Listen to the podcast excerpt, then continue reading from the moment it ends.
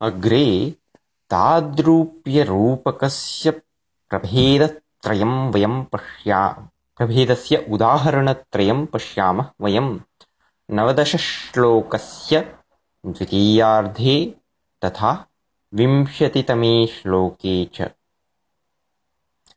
अस्याः मुखेन्दुना लब्धे नेत्रानन्दे किमिन्दुना इति। अत्र अनुभयोक्तितादृप्यरूपकालङ्कारो दृश्यते। अस्याः मुखेन्दुना लब्धे नेत्रानन्दे किमिन्दुना इति। अत्र स्मरणपथी स्मरणपथे आगच्छति प्रतीपालङ्कारस्य कैमर्थ्यसूचकप्रभेदः।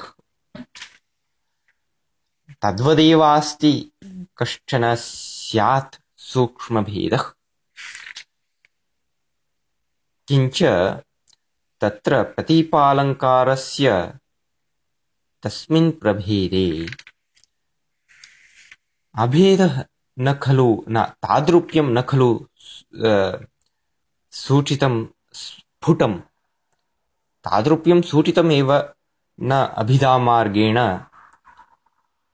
अतः कश्चन सम्बन्धः वर्तते सामीप्यं वर्तते परन्तु कश्चन सूक्ष्मभेदः वर्तते इति अलङ्का आलङ्कारिकाणां चिन्तनं स्यात् इति मत्वा वयम् अग्रे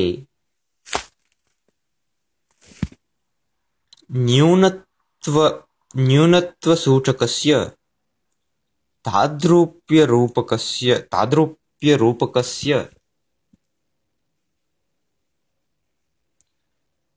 उदाहरणं पश्यामः साध्वीयम् अपरालक्ष्मीरथा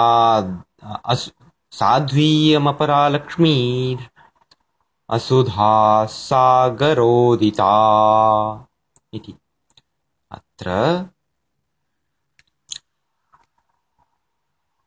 लक्ष्मीः तादृशी अस्ति श्रीः अस्ति प्रायः राजश्रीः वा अथवा प्रतिभाश्री वा श्रीर्वा वयं न जानीमः।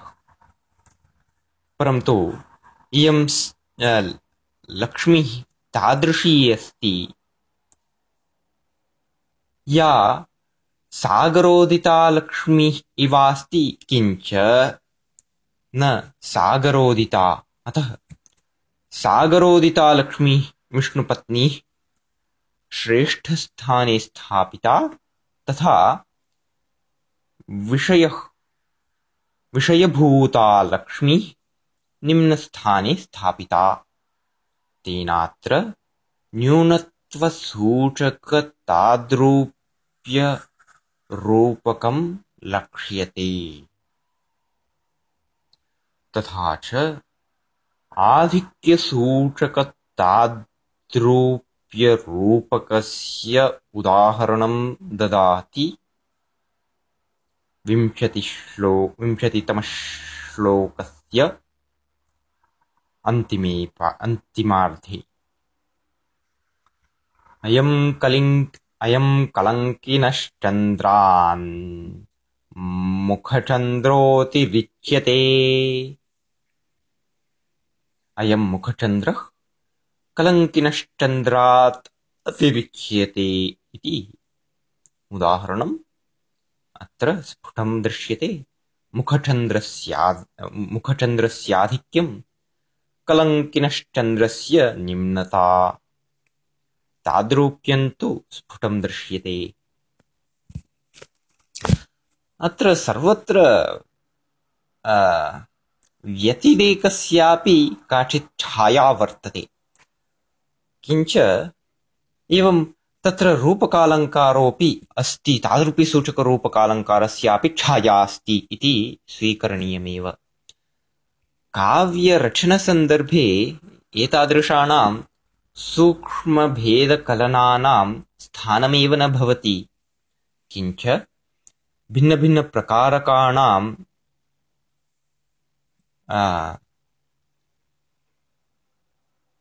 अलङ्कारप्रयोगाणां ज्ञानं त्वावश्यकम्। तावन्मात्रम् अस्माकं ध्येयम् अत्र ग्रन्थपठने